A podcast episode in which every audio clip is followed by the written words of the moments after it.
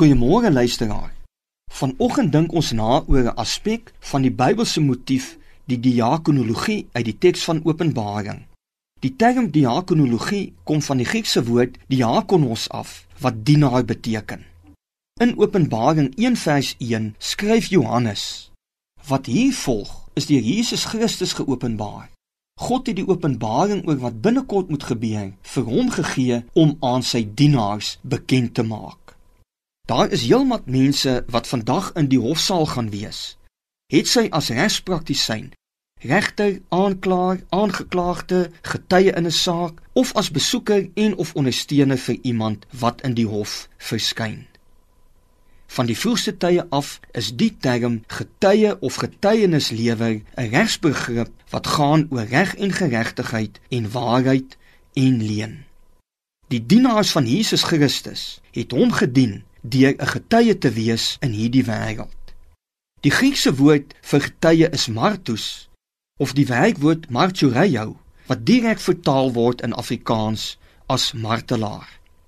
Die oorspronklike begrip word ontleen aan die regspleging waar dit aankom op die betroubare weergee van feite in 'n regsgeding.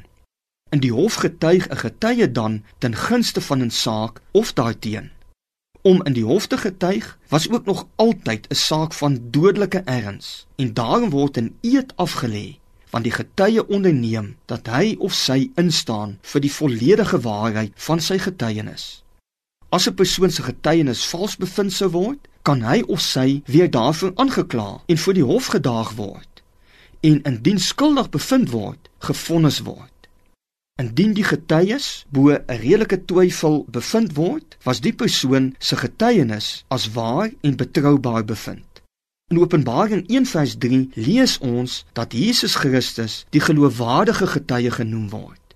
In 12:17 lees ons van die nakommelinge van die vrou wat die gebooie van God nakom en aan die getuienis wat Jesus gelewer het, vashou as 'n saak van lewe en dood.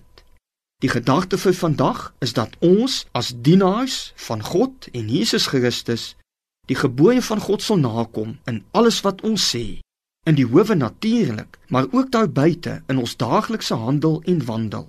Ja, dat ons op voetspoor van Jesus as sy dienaars oral onder alle omstandighede 'n geloofwaardige getuie sal wees.